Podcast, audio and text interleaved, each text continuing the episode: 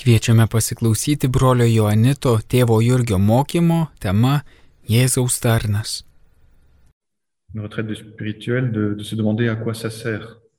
Ir Tai visada yra gerai atlikti tas tokias dvasinės rekolekcijas ir paklausti, o, o kam, kam viso to reikia, kam vis tai pasitarnauja. C'est quoi le but Koks yra tikslas? Le centre, le cœur de la vie chrétienne, c'est quelqu'un. Taigi krikščioniško gyvenimo pati ta šerdis esmė yra kažkas, asmuo. Et ce quelqu'un, c'est Jésus, bien sûr. Ir tas kažkas, aišku, yra Jėzus. Et faire une retraite, c'est d'une manière ou d'une autre prendre du temps pour accueillir l'amour de Jésus pour moi. Taigi ir atlikti rekolekcijas, tai reiškia vienu ar kitu būdu pasistengti priimti Jėzų į save, į savo vidų. La raison pour laquelle Jésus est venu dans le monde, c'est pour manifester l'amour de Dieu pour moi. Taigi ir priežastis, kodėl Jėzus atėjo į šį pasaulį, tai būtent tam, kad parodytų Dievo meilę man. Et cet amour, Jésus l'a manifesté en particulier à travers une œuvre. Ir šitą meilę Jėzus labiausiai išreiškė per darbą, per veiksmą. Au chapitre 17 de Saint Jean, je vous ai dit quelques versets. Švento Jono Evangelijos 17 skyriaus kelios eilutės. Ashtave pachlovino gemeye atlik damas darba kuribouve mandaves nuvekiti. Et ce travail, bien sûr, c'est la croix. Ir aišku, tas darbas yra kryžius. Je ne peux donc pas contempler le Christ, chercher le Christ sans entrer dans le mystère de la croix. Taigi negaliu, tiesiog nepavyksta kontempliuoti Kristaus, jo ieškoti, neižengiant į kryžiaus slėpinį. Et c'est ça qu'on est invité à faire d'une manière particulière, cette approche de Pâques. Tai esame kviečiami daryti būtent e, šiuo metu artėjant Velykom. Suivre le Christ dans ce mystère de mort et de gloire à la fois. Taigi sekti Kristų jo mirties ir šlovės slėpinyje. à travers lequel Jésus vient comme un serviteur. Ir per jį Jėzus ateina pasirodo kaip tarnas. Dans l'être aux Philippiens, vous avez ce passage, Taigi laiškas filipiečiams, chapitre 2, verset 6 et suivant. antras skyrius, šešta eilutė ir toliau. Iisture damas dievo pavidala, nelaike grobiu buti ligiam su dievu. Betapi pleche patsave, prim damas tarno pavidala, irtab damas panachus ijmones. Is irishore tapo kebvis ijmones. Is nusi gemino, tab damas clusnus ike myrties, iki krygios myrties. Jésus s'est fait serviteur jusqu'à la croix. Taigi Jėzus tapo tarnu, buvo tarnu iki pat kryžiaus. La croix est l'œuvre ultime de Jésus. Kryžius yra tas pats didžiausias, aukščiausias Jėzaus darbas. C'est son grand acte. Tai tas didysis jo veiksmas. C'est un acte qu'il fait dans l'obéissance. Ir šitą veiksmą jis atlieka būtent paklusnume, per paklusnumą. Jésus meurt sur la croix dans l'obéissance à son Père. Jėzus ant kryžiaus miršta paklusdamas savo tėvui. Depuis la trahison de, de Judas, Jésus est un peu comme prisonnier. Taigi po, po judo išdavystės Jėzus tampa tarsi kaliniu, Il est prisonnier de son propre peuple. tos pačios savo tautos kaliniu. Il est prisonnier de ceux-là même qui se disent adorateurs du Dieu unique. Taigi tų žmonių, kurie apie save sako, kad jie garbina tą vienintelį vienatinį Dievą. Et très librement, il est à la fois victime des hommes Labai laisvai jis vienu kartu yra ir žmonių auka, et dans une totale obéissance à son Père. ir kartu visiškai paklūsta savo tėvui. Cet acte de la croix, bien sûr, c'est celui par lequel Jésus nous sauve, Žinoma, būtent per šitą kryžiaus darbą veiksmą Jėzus mus ir iškelbsti, mais c'est aussi l'acte, un acte par lequel Jésus rend gloire à son Père. bet būtent šituo veiksmu Jėzus taip pat ir pašlovina savo tėvą. Toute la vie apostolique de Jésus, Ir visas apaštalinis Jėzaus gyvenimas, même depuis son, arca- son incarnation, on pourrait dire, net galėtume sakyti, kad prasidėjęs nuo pat jo įsikūnymo. euh, la vie de Jésus nous parle du Père. Jėzaus gyvenimams mums kal- mums kalba, pasakoja apie jo tėvą. Que Dieu est Trinité, Père, Fils et Esprit Saint, c'est dans le Nouveau Testament qu'on apprend ça, c'est Jésus qui nous l'apprend. Ir kad Dievas yra trejybė, tai būtent tą sužinom iš Naujojo Testamento ir tą mums pasako, pamoko Jėzus. Très Sainte Trinité n'apparaît pas dans l'Ancien Testament, sinon par des lointaines préfigurations. Taigi Sename testamente švenčiausios trejybės neaptinkame, nebent išvelgiama tokias labai tolimas tokias nuorodas į tai, kas bus. Dans l'Ancien Testament, on parle que, dans l'Ancienne Alliance, on parle que du Dieu unique. Senoje sandoroje yra kalbama tik apie tą vie- vienatinį, vienintelį Dievą. Et c'était déjà une pédagogie de Dieu de, de se présenter comme le Dieu unique. Tai tokia buvo Dievo pedagogika - save parodyti, atskleisti kaip vienintelį Dievą. À l'époque, il n'y avait pas encore la mondialisation. Tuo metu dar nebuvo tokios didelės globalizacijos. Il y avait beaucoup de peuples différents Buvo daugybė skirtingų tautų et chaque peuple avait beaucoup de dieux. ir kiekviena tauta turėjo daugybę dievų. Donc ça faisait beaucoup de dieux en tout. Taigi taip bendrai paėmus buvo labai daug dievų. Et c'est le peuple juif qui reçoit la révélation qu'il n'y a qu'un seul Dieu pour toute la terre. Ir būtent žydų tauta gauna prieškimą, kad visai žemė, visam pasauliu yra vienintelis dievas. Donc dans ce contexte polythéiste, dire qu'il y a une trinité, ça aurait été peut-être un peu trop tôt. Bet turint tokį vat, politeistinį daugybės dievų kontekstą, kalbėti apie trejybę turbūt dar buvo ankstoka. Mais quand Jésus vient, il nous parle de son Père. Bet kai Jėzus ateina, jis kalba mums apie savo tėvą. Et de nouveau, il y a une pédagogie encore de Dieu. Ir čia irgi yra Dievo pedagogika. Toute la vie de Jésus nous parle de son Père, Nes visas Jėzaus gyvenimas mums kalba apie jo tėvą. parce que l'œuvre de Dieu, c'est que nous le connaissions, que nous l'aimions. Nes Dievo darbas yra jį pažinti ir jį mylėti. Le propre d'un serviteur, c'est de ne plus s'appartenir. Taigi, tas, kas yra būdinga tarnui, tai nebepriklausyti savo, d'appartenir à, à un plus grand que soi. o priklausyti kažkam didesniam negu aš pats. Il y a quelque chose de l'esclave dans le, dans le serviteur.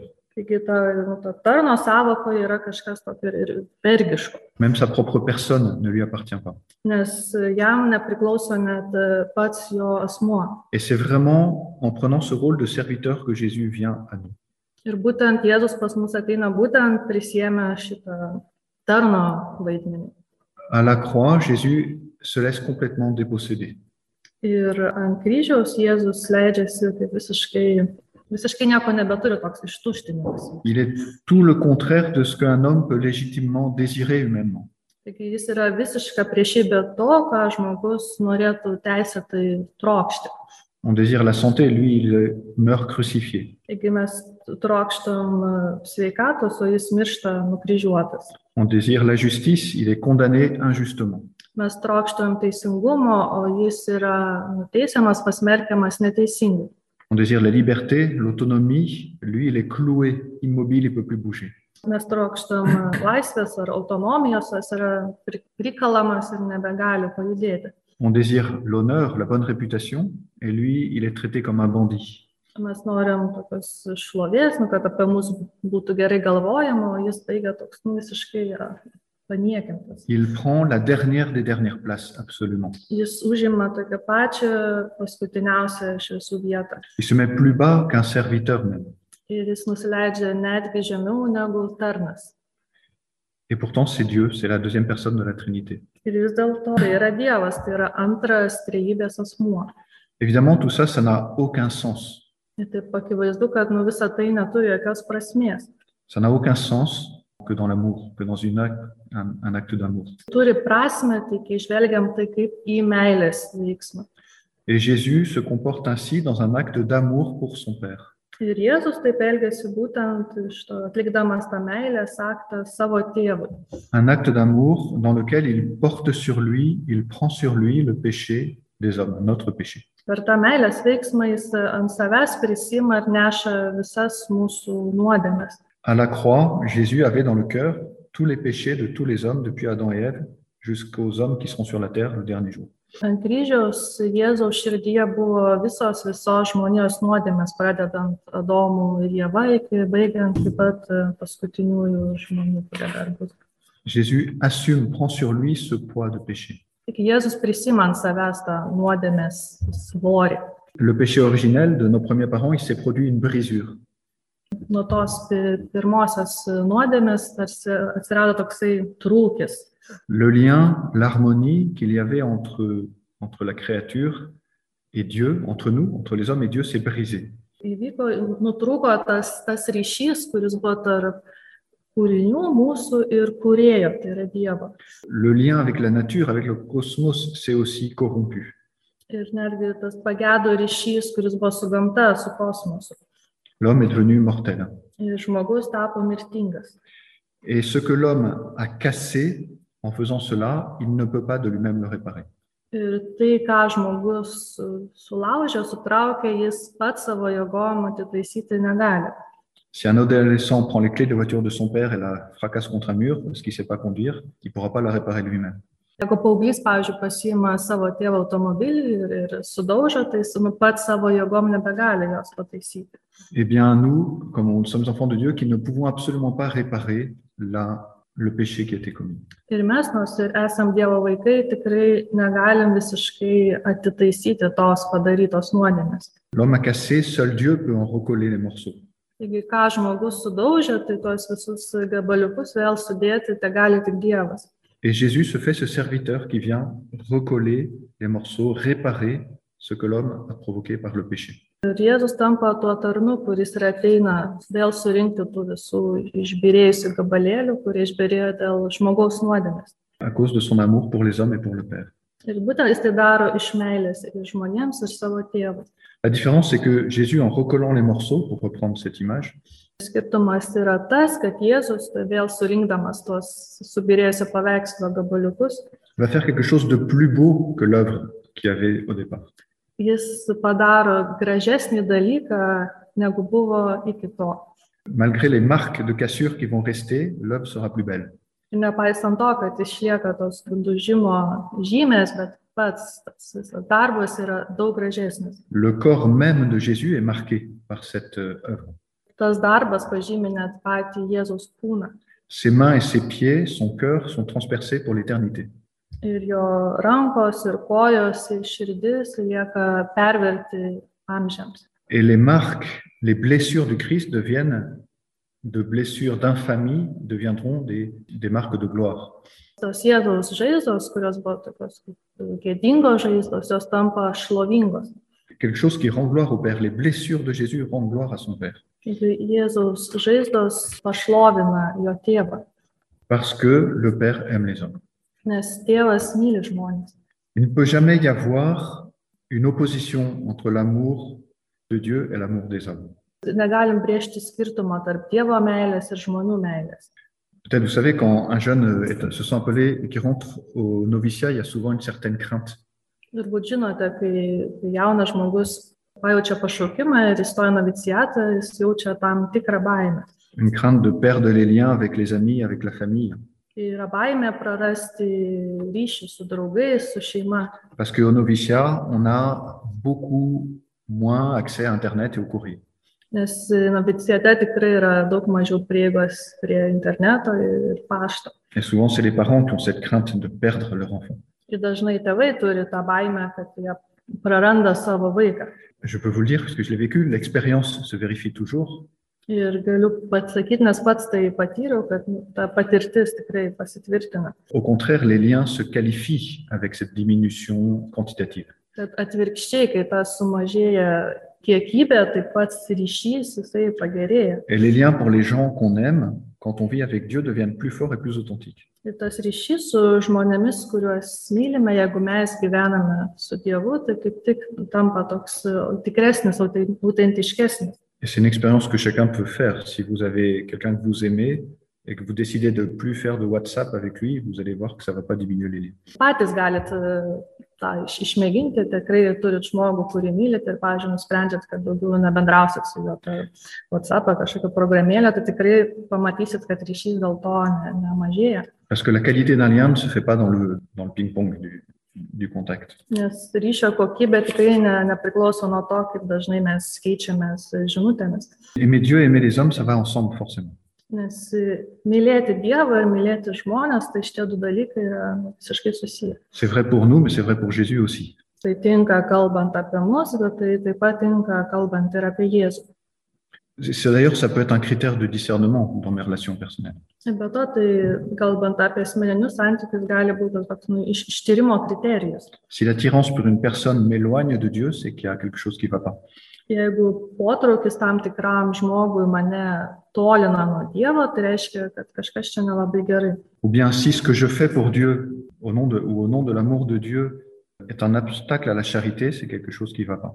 A jeigu tai, ką darau dėl, dėl Dievo, bet tai kaip tik kliudo mano tai veikliai me, meilį, tai irgi kažkas negerai. yra. Par exemple, je suis en prière, mais on frappe à la porte, ah, je ne peux, pas- je peux pas aller ouvrir parce que je, je suis en prière. Pavyzdžiui, melžiuosi ir, ir kažkas beeldžia duris, aš neinu atidaryti, nes negaliu melžiuosi. Donc il n'y a, pas de- il y a jamais d'opposition entre l'amour de Dieu et l'amour pour les hommes. Taigi niekada nėra prieštaros tarp meilės Dievui, Dievo meilės ir meilės žmonėms. Et cette unité radicale entre l'amour pour le Père et l'amour pour les hommes de Jésus, Jėzus buvo radikali vienybė tarp meilės Dievo ir meilės žmonėms. Jésus nous la manifeste, nous la montre, nous la, nous la donne à voir. Ir Jėzus mums tai parodo, būtent, kad pamatytume. Et il nous la donne à voir par la croix. Ir jis tai parodo per kryžių. C'est- Il faudrait, si on a plus de temps, relire, mais je vous invite. C'est un beau texte pour méditer, le chapitre 17 de Saint Jean. Raginu, kai turėsite laiko, dar kartą paskaityti ir apmastyti Jono Evangelijos 17 skyrių. C'est un bon texte pour méditer sur le mystère de la croix. Tai tikrai labai gražus tekstas, norint apmastyti kryžiaus slėpinį. Si vous avez un, votre prière est un peu sèche, vous devez reprendre, relire le chapitre 17. Taigi, jeigu jaučiat, kad maldoja šiek tiek sausra, tai raginu tikrai paskaityti tą 17 skyrių. Jésus aurait pu nous sauver sans la croix. Jėzus galėjo išgelbėti mus be kryžiaus, Euh, il est tout puissant, il est Dieu. nes jis yra visagalis, jis yra Dievas. Saint Thomas d'Aquin, qui est sans doute le plus grand théologien de, de- de l'Église catholique, Taigi, Šventasis Tomas Akvinėtis, kuris yra greičiausiai didžiausias, didingiausias katalikų bažnyčios teologas, explique très bien qu'il aurait pu y avoir d'autres manières de sauver l'humanité de son péché, sans la croix. labai gerai išaiškina, kad galėjo būti ir kitų būdų, kaip žmoniją išgelbėti iš nuodėmės be kryžiaus. Et Dieu a voulu envoyer son Fils mourir sur la croix. Bet Dievas panoro atsiųsti savo sūnų, kad jis mirtų ant kryžiaus. Il y a une sagesse de Dieu là. Ir čia yra Dievo išmintis. Une sagesse qui, comme l'explique Saint Paul, est folie pour nous, bien entendu. Ta išmintis, kur, kaip paaiškina Šventasis Paulius, mums atrodo kvailystė. La croix devient, et pour nous, devient le chemin vers le ciel, le chemin du salut. Ir kryžius mums tampa keliu į dangų ir keliu į išgelbėjimą. La croix devient la, la porte étroite dont parle Jésus. Ir Kryžius tampa tais siauraisiais vartais, apie kuriuos pats Jėzus kalba. Et l'Église n'a pas d'autre euh, raison d'exister que de conduire à, ce, à cette porte étroite. Taigi ir nėra kito bažnyčios buvimo tikslo, kaip tik vesti link tų siaurų vartų. Montrer la croix, voilà le chemin. parodyti kryžių, štai kelias. Et c'est Jésus qui, de toutes les manières possibles, euh, nous conduit à lui-même. Il est à la fois le chemin et la destination. Ir Jėzus pats visais įmanomais būdais mus ten veda, nes jis pats yra ir kelias, ir tikslas. Vous pouvez, si vous avez, pendant une méditation, regarder tous les je suis de Jésus dans l'évangile de Jean. Ir galite toks pasiūlymas per apmąstymą meditaciją tiesiog peržvelgti visus Jėzaus aš esu, kuriuos jis ištarė Jono Evangelijoje. Il est le chemin, il est lui-même le chemin qui mène à lui-même. Taigi jis pats yra kelias, kuris veda pas jį patį. Il est la porte. Jis yra vartų duris. Il dit même je suis tout court. Il est celui qui est, il est Dieu. Jis yra ne tas, kas yra, jis yra, tai yra jis yra Dievas. Il est le pain de vie qui est la nourriture qui donne la force pour marcher sur ce chemin. Ir jis yra gyvybės duona, tai yra tas maistas, kuris duoda jėgų keliaujant to keliu. Il nous dit je suis la lumière qui éclaire ce chemin. Ir jis taip pat sako, aš esu šviesa, kuri nušviečia šitą kelią. Il est le bon pasteur qui nous conduit sur ce chemin. Ir jis yra gerasis ganytojas, kuris mus veda tuo keliu. Et bien sûr, il dit aussi je suis la résurrection. Il est lui-même le- la finalité. Taip pat jis sako, aš esu prisikėlimas, tai reiškia, kad jis yra viso šitos kelionės tikslas. Qui d'autre que Dieu lui-même pouvait avoir cette euh, audace de dire je suis euh, le chemin, je suis la vérité, je suis le bon pasteur Ir kai kasgi kitas, dar jei ne Dievas, galėtų turėti drąsos taip teikti apie save, kad aš esu kelias, aš esu šviesa, aš esu gerasis ganytojas. Il dit pas je, je vous montre le chemin, je vous montre la résurrection. Il dit je suis le chemin, je suis la résurrection. Jis nesako taip, kad aš jums parodysiu kelią ar parodysiu prisikelimą, jis sako, aš esu kelias, aš esu prisikelimas. Donc soit il faut le mettre dans un asile psychiatrique, soit il est vraiment Dieu. Arba jį reiktų uždaryti į psichinių lygų ligoninę, arba jis tikrai yra Dievas. Toute son œuvre nous, nous montre qu'il est vraiment le Fils du Père. Ir Visi jo darbai ir visas jo gyvenimas mums ir parodo, kad jis tikrai yra savo tė- tėvo sunus. Et son œuvre, c'est la croix, c'est pour notre service, c'est pour notre vie. Ir Jo darbas yra kryžius, tai būtent yra skirta mums, mūsų gyvenimui. À la croix, on- je- il va donner son, sa vie pour irriguer l'Église. Ir ant kryžiaus jis atiduoda savo gyvybę tam, kad e, tarsi sudrėkintų tas bažnyčios gyvenimą. Taip, jie jį. Et tout ça, c'est donné gratuitement. Ir visa tai duodama dovanai veltui. En Lituanie, peut-être vous avez appris ça, il y a- il y a des, euh, il y a des gens qui, qui- qui font une campagne pour se débaptiser. Gal žinot, Lietuva yra tokių žmonių, ai, kad yra tokių žmonių, kurie paprašo kad panaikinti krikštą. Le diocèse de Vénus a reçu, une, je crois, pour l'ensemble de la Lituanie, une trentaine de demandes, trentaine de demandes de gens qui disent officiellement, je veux être débaptisé. Ir Vilniaus viskupijoje yra gauta maždaug apie 30 prašymų iš žmonių, kurie prašo, kad nu, būtų panaikintas tas jų jų krikštas. Mais le, le baptême, c'est rien d'autre qu'un don donné gratuitement. Bet e, krikštas nėra kas kita kaip dovana, kuri duodama dovana. C'est le don même de la vie divine qui est offert. Tai yra dieviško gyvenimo dovana, kuri mums duodama. C'est un droit d'entrée qu'on peut refuser, mais qui nous est donné. Tai teisė įeiti, kurios mes galim atsisakyti, atmesti, bet mums tai yra duota.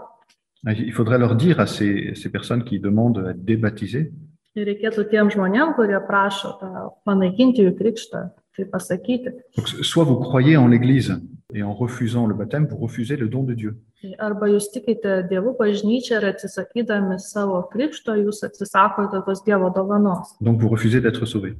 Ir reiškia, jūs atsisakote būti išgelbėti. Soit, et je pense que c'est le cas pour la plupart en tout cas, Arba, ir greičiausiai tai yra dažniausiai šis atvejis, vous savez pas ce que vous faites. jūs ne- nesuprantat, ką jūs darote. Le baptême, c'est pas juste un acte extérieur. Krikštas nėra tik toks išorinis veiksmas. Être baptisé, c'est pas être adhérent à l'Église catholique comme on est adhérent à un parti politique ou à un club de foot. Ir būti pakrikštytam, tai, tai būti bažnyčiai, kai priklausom kažkokiam klubui ar futbolo ar panašiai, politiniai partijai. Être baptisé, c'est recevoir, être marqué du fruit de la, de la croix. Taigi būti pakrikštytam reiškia būti pažymėtam kryžiaus vaisiais. C'est être racheté par le sang de- du Christ. Tai reiškia būti atpirktam Kristaus krauju. Le baptême, c'est le, c'est le service qui, qui nous- qui nous rend, que Dieu nous rend. Taigi i, tas krikštas yra tas toks patarnavimas, kurį Dievas mums atlieka. Dieu ne reprend pas ses dons. Ir Dievas savo dovanų atgal neatsijima. On ne peut pas être débaptisé. Tikrai negalim to krikšto taip a- atšaukti krikšto. On peut certes refuser le don de Dieu, ça c'est sûr. Žinoma, Dievo dovanos tai tikrai galima atsisakyti. La croix, elle est liée à la résurrection aussi. C'est un mystère de résurrection. Ir kryžius, žinoma, yra susijęs su prisikelimo slėpiniu. Elle devient, cette croix, à cause de la résurrection, un signe de victoire. Ir kryžius būtent dėl prisikelimo tampa pergalė ženklų. C'est pour ça qu'on a le droit, et c'est, et c'est juste quand on est chrétien, d'être fier de la croix, de ressentir de la fierté pour ce signe de la croix. Ir Tikrai būdami krikščionys turime teisę didžiuotis kryžiumi. En France, l'armée française, ceux que- les militaires qui sont en montagne, souvent ils mettent des grandes croix au sommet des montagnes. Ir Prancūzijoje dažnai ka- kar- kariuomenės daliniai, kur būna kalnuose, jie kalnuose pastato tokius didžiulius kryžius, pour qu'on les voit de très loin. kad būtų matoma iš, iš labai toli. C'est c'est juste d'être fier de la croix, à la fois au niveau d'un peuple ou à la fois au niveau individuel. Taigi tai re- reiškia didžiuotis kryžiumi, kad ar tai visos tautos lygmenių, ar, ar savo pačiam. Alors, je sais bien que pour beaucoup de gens, ce n'est qu'un bijou, mais euh, c'est pas grave. c'est- C'est c'est un signe de victoire et de gloire, la croix. Žinau, kad daugeliu žmonių yra tai tiesiog e, papuošalas, bet tai nieko baisaus, nes kryžius ir yra tas pergalės ženklas. Alors qu'au départ, c'était un, un engin de mort. Ir iš pradžių tai buvo mirties įrankis. La croix, c'est la manifestation de l'amour de Dieu. Ir kryžius parodo Dievo meilę. C'est sous la croix qu'on reçoit l'amour de Dieu. Būtent po kryžiumi gauname Dievo meilę. Or, nous, pour représenter l'amour, souvent, on dessine un cœur euh, rose ou rouge. Dažnai mes norėdami taip parodyti, išreikšti meilę arba širdelę piešimą, rožę raudoną. Euh, Jésus aussi, d'ailleurs, il nous exprime son amour en montrant son cœur. Ir Beje, ir pats Jėzus savo meilę mums parodo, parodydamas, apnuogindamas savo širdį. Jésus a montré son cœur à Sainte Faustine. Ir Jėzus savo širdį parodė šventai Faustinai. Mais c'est pas un cœur romantique. Bet tai nėra ta tokia romantinė širdis. C'est un cœur blessé que Jésus nous montre. Jėzus mums rodo sužeistą širdį. C'est un cœur blessé par le péché du monde. Tai yra pasaulio nuodėmės sužeista širdis. Le cœur de Jésus, il est à la fois humain et à la fois divin. Ir Jėzaus širdis yra ir žmogiška, ir dieviška. C'est vraiment un cœur de chair avec du sang. Tai tikrai tokia kūniška širdis, kurioje teka kraujas. Et c'est vraiment le cœur de Dieu. Ir kartu tai tikrai Dievo širdis. Et ce cœur a été transpercé par la lance à la croix. Ši širdis ant kryžiaus buvo persmeigta jėtimi. Et c'est de ce coup de lance que sort l'eau du baptême dont on parlait il y a deux minutes. Perdurus jėtimi ištrykšta tas krikšto vanduo, apie kurį ką tik Que kalbėjome. découlent tous les sacrements de l'Église Elles viennent de ce sang et de cette eau qui sortent du cœur de Jésus. Būtent visi bažnyčios sakramentai išteka iš to kraujo ir vandens, kurie pasirodo iš Jėzaus širdies. C'est bien une fois tous les, pas tous les ans, mais une fois tous les deux ou trois ans, de, avant Pâques, de revoir le film de la, la Passion. Labai gerai, kas kokius dviejus, trejus metus vat, peržiūrėti tą Melo Gibsono filmą e, Kristaus kančia. Bon, c'est un peu violent si on n'aime pas, il faut pas regarder. Aišku, tai tikrai toks nu, žiau- žiaurokas ir jiems tai nepriimtina, geriau nežiūrėti. Pendant le moment du coup de lance, si vous, si vous avez vu le film, il y a une quantité d'eau qui est complètement euh, incroyable. On dirait que c'est- c'est c'est comme une pluie qui tombe. Ir perdurius jėtimi, jei esat matę, ten tiek to vandens išsilieja, kad tiesiog nu, su- sunku patikėti, kad taip gali būti toks kaip kaip lietus. Alors, on se dit, le réalisateur, il fait un peu trop là, ça va pas. Galima sakyti, kad nu, tie kuriejai filmo truputėlį perspaudė šitą vietą. Mais théologiquement, c'est très juste. Bet teologiškai tai yra labai teisinga. C'est vraiment cette eau qui est la source des sacrements de l'Église. Nes būtent šitas vanduo ir yra bažnyčios sakramentų šaltinis. Donc ce service, euh, le mot service, il est, il va pas en fait. hein. Taigi tas žodis tarnystė čia kaip nelabai ir tinka. C'est beaucoup plus qu'un service, c'est donner sa propre vie, sa propre divinité. Čia daugiau negu tarnystė, tai atiduoti savo gyvenimą, gyvybę ir savo dieviškumą. Par l'Eucharistie, on reçoit le corps et la divinité de Jésus. Eucharistijoje mes gauname Jėzaus kūną ir jo dieviškumą. Donc c'est évidemment un service d'amour. Tai, tai tikrai yra toks meilės patarnavimas. Et ça n'a aucun sens et c'est incompréhensible en dehors de l'amour. Ir Tai tikrai nesuvokiama, jeigu mes jį išimame iš meilės, be, be meilės tai nesuvokiama. Et ceux qui sont pas croyants et qui disent que c'est complètement fou, ils ont raison. Il faut pas les, les condamner de dire ça. Tai Žmonės, kurie netik ir sako, kad čia visiška kvailystė, tai tikrai nereiktų smerkti dėl to, kad jie taip mano. Ils ont, ils ont complètement raison, c'est complètement fou. Nes jie tikrai yra teisūs dėl to, kad yra nu visiškai beprotiška. Mais on peut rentrer dans ce mystère que par la foi. Nes į šitą slėpinį galim žengti tik per tikėjimą. Lui-même qui dit qu'il n'y a pas de plus grand amour que de donner sa vie pour ceux qu'on aime. Ir pats Jėzus yra pasakęs, kad e, nėra didesnės meilės, negu atiduoti savo gyvybę už tuos, kuriuos mylime. Et Jésus l'a fait pour nous d'une manière visible, manifestée. Ir Jėzus tai padarė už mus dėl mūsų tų- tokiu matomų būdų, regimų būdų. Il a été, on dit, élevé sur la croix. Ir kaip sakoma, jis buvo iškeltas e, ant kryžiaus. La croix doit être en hauteur, elle doit être visible. tiesiog aukštai, kad būtų matomas. À vue humaine, le mal pour nous, c'est le mal absolu, c'est un mal invincible. Taigi mūsų akimis, žmogiškomis akimis, blogis yra toks visiškas ir nenugalimas. La mort, elle n'a pas de logique, pas d'explication, pas de sens. Mirtis neturi jokios logikos, paaiškinimo ar prasmės. Aucun philosophe ne donne d'explication à la, à la mort. Ir joks filosofas nepateikia, nepaaiškina mirties. Et depuis Socrate, on sait que la mort, on peut que l'accepter, on peut rien faire d'autre.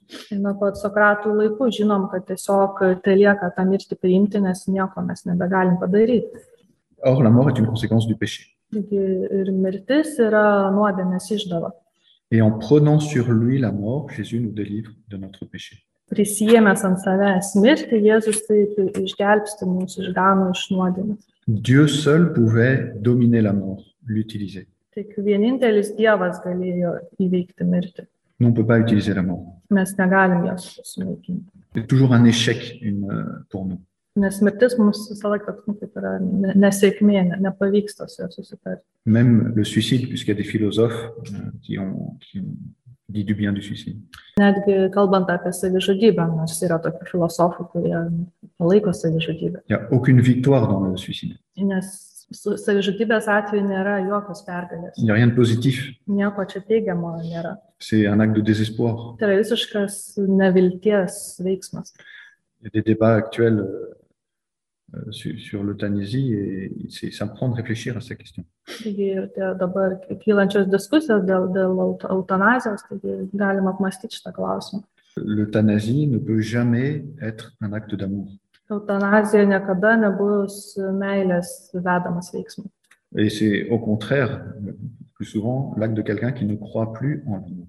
Netgi atvirkščiai ta, tas veiksmas daromas žmogaus, kuris daugiau nebetiki meilę. Et Jésus, lui, n'est- n'est pas dans cette situation humaine, Bet Jėzus nėra tokio šito žmogiško situacijos. dans ce sens que lui domine l'amour. Būtent ta prasme, kad jis į- įveikia mirtį. Il n'est pas tué à la croix, il se, il se donne lui-même, il donne sa vie, il dépose sa vie. Jis kaip nėra nužudomas ant kryžiaus, bet jis pats atiduoda savo gyvybę. De même que quand il rendait service en lavant les pieds quelques jours avant, ses serviteurs, il euh, dépose son tablier Tai prieš kelias dienas jisai e, plovė koją savo mokiniams, tai jis tada nus, nusijuosi prijuosti. C'est le même mot dans l'évangile, il dépose sa vie à la croix. Ir Evangelijoje tai vartojamas tas pats žodis, lygiai taip pat jis atiduoda savo gyvybę ant kryžiaus. Le soldat s'étonne qu'il est déjà mort, c'est pour ça qu'on lui casse pas les jambes, comme aux autres. Ir, ir s- šitie kareiviai pamato, kad jis miręs ir dėl to ne, nesulaužo jam kojų, kaip, kaip būdavo daroma. Et Jésus devient victorieux de la mort. Ir Jėzus tampa kaip pergalingas prieš mirtį. C'est pour ça que la croix de Jésus est un signe de victoire, Ir dėl to Jėzaus kryžius yra pergalė ženklas. un acte qui glorifie le Père. Tai būtent šitas veiksmas, kuris pašlovina tėvą. C'est un peu ça la clé pour euh, entrer dans le chapitre 17. Tai yra toks e, raktas, su kuriuo galima atrakinti tą Šventojo Jono Evangelijos 17 skyrių. Fêtez Pâques comme on va le faire dans, dans quelques jours. Taigi ir Velykų šventė Ça veut dire, bien évidemment, euh, commémorer cet événement historique de, de la mort et de la résurrection de Jésus, Tai aišku, toks e, prisiminimas, paminėjimas to, to istorinio įvykio, tai ir Jėzus mirties ir jo prisikėlimo, le tombeau vide, tuščio kapo, la victoire définitive sur la mort. tas galutinės pergalės prieš mirtį, Mais c'est aussi beaucoup plus que ça, que, cette- que commémorer cet événement. bet yra daug daugiau negu vien tik e, paminėti šitą įvykį. C'est aussi nous-mêmes vouloir participer à cette victoire. Tai taip pat e, mūsų noras dalyvauti šitame, šitoje pergalėje. C'est dire, moi je veux, je veux ressusciter aussi, moi je veux te suivre Jésus. Tai tai aš irgi, aš irgi noriu prisikelti, aš noriu tave sekti, Jėzau. Ta vie, ça m'intéresse, ce que tu me proposes, ça, ça m'intéresse, ce que tu m'aimes, ça m'intéresse. Man įdomu tavo gyvenimas, man įdomu tai, kad tu mane myli. Tu me dis que c'est pour moi, moi je dis oui, je veux. Tai sakai, kad čia man ir aš tada atsakau, taip, aš to noriu. Fais-moi participer à cette victoire. Ir padaryk, kad ir aš dalyvaučiau šito pergalį. Je veux entrer, te suivre dans cette victoire. Aš noriu žengti ir sekti paskui tave šitoj pergalį. Je veux être victorieux avec toi. Noriu kartu su tavim būti pergalingas. J'ai bien compris que sans toi, je vais mourir. Aš gerai suprantu, kad be tavęs aš mirsiu. Et c'est ça le sens, le sens de Pâques. Ir būtent tai ir yra Velykų prasme. Pâques, c'est dire, Christ, tu es ressuscité, je le crois. Ir Velykos tai pasakyti, kad Kristau, tu prisikėlė ir aš e, tuo tikiu. C'est c'est ça les, les paroles principales de Pâques. Christ est vraiment ressuscité. Ir tai yra tokie pagrindiniai esminiai Velykų žodžiai. Kristus prisikėlė. Mais ok, mais moi, je, ça m'intéresse aussi pour moi. Bet gerai, tai mane irgi do, tai domina mane asmeniškai. J'ai le droit d'être un peu égoïste de ce point de vue-là. Gali atrodyti, kad čia truputį egoistiška kalba. Seigneur, emmène-moi euh, dans ta victoire. Viešpatė, paimk, pakelk ir mane iki savo pergalės. Emmène-moi pour que moi aussi, je ressuscite avec toi. Paimk mane, kad ir aš draugę su tavimi prisikelčiau. Et c'est vraiment dans ce, cet esprit qu'il faut non pas euh, enfin, vivre, participer au fait de Pâques, pas seulement les vivre en spectateur, mais bien les vivre comme participants à une victoire. Ir Būtent tokioj dvasioje reikėtų tas dalykas išgyventi, ne, ne, ne, nedalyvauti savien tik kaip stebėtojai, bet kaip dalyviai dalyvauti jose. Quand on est un soldat dans une guerre, on peut, on peut pas, euh, on peut pas être euh, spectateur. On est obligé de, de marcher avec les autres. Jeigu, pavyzdžiui, esame kareivis ir ta- esame kare, tai tikrai negalim likti tiek stebėtojais, tiesiog turim kartu žygiuoti su visais kitais. Et l'enjeu de Pâques, c'est c'est d'entrer dans la bataille. C'est pas de, de rester comme spectateur euh, au loin. Ir būtent tas dalykų iššūkis ir yra įžengti, įstoti į šitą mūšį, o ne vien likti stebėtojų iš tolo atsitraukus. C'est pour ça qu'on on s- on souffre beaucoup euh, que on puisse pas se rassembler à cause de, Ir Tai dėl to mes tikrai nu, labai kenčiam, mums skausminga tai, kad negalim visi susirinkti kartu dėl pandemijos. La vie chrétienne, c'est entrer dans un lien personnel avec Jésus, un lien intime avec Jésus. Tai krikščioniškas gyvenimas yra įžengti tą tokį asmeninį, gilų intimų ryšį su Jėzumi. Dans ce lien, on suit Jésus Būtent per šitą ryšį mes ir einam paskui Jėzų. et le, ch- Sekame jį. le chemin de Jésus, il passe par la croix. O Jėzaus kelias jis perina per kryžių. Donc nous aussi, on a à prendre ce chemin, à accepter ce chemin. Taigi mes turim išmokti tuo keliu ir priimti šitą kelią. C'est un acte de foi, bien sûr, Žinoma, tai yra tikėjimo aktas, mais cette foi, Dieu nous la donne comme un don. bet tai tą tikėjimą Dievas mums padovanoja, teikia kaip dovaną. Son amour, son espérance, il nous les donne. Jis mums duoda ir savo meilę, ir savo viltį. Tout ce qu'on a à faire, c'est l'accepter, l'accueillir, O kas mums mum belieka, tik tai priimti, nous rendre disponibles. būti atviriems, atsiverti tam.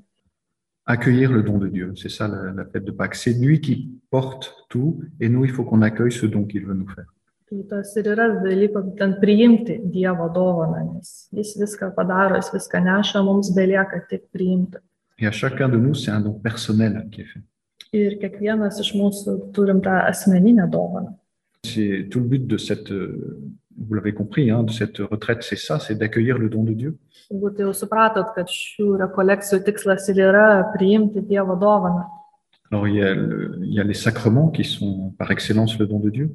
Yra sakramentai, kurie yra tokios tobuliausios, geriausios Dievo dovanos. Todėl visi esat kviečiami, tai galite ateiti ir gauti tą at- atgailos sakramentą. Dire à Jésus votre oui à, à son don, c'est ça le, en fait le plus, le plus important. O ypač ir svarbiausia pasakyti Jėzų, tarti Jėzų taip į jo dovaną. Tai yra svarbiausias dalykas. Pas besoin de faire des grandes choses, il faut juste consentir. Tikrai nereikia di- daryti kažkokių didelių dalykų, tik sutikti priimti. Girdėjome brolio Joanito tėvo Jurgio mokymą Jėzaus tarnas.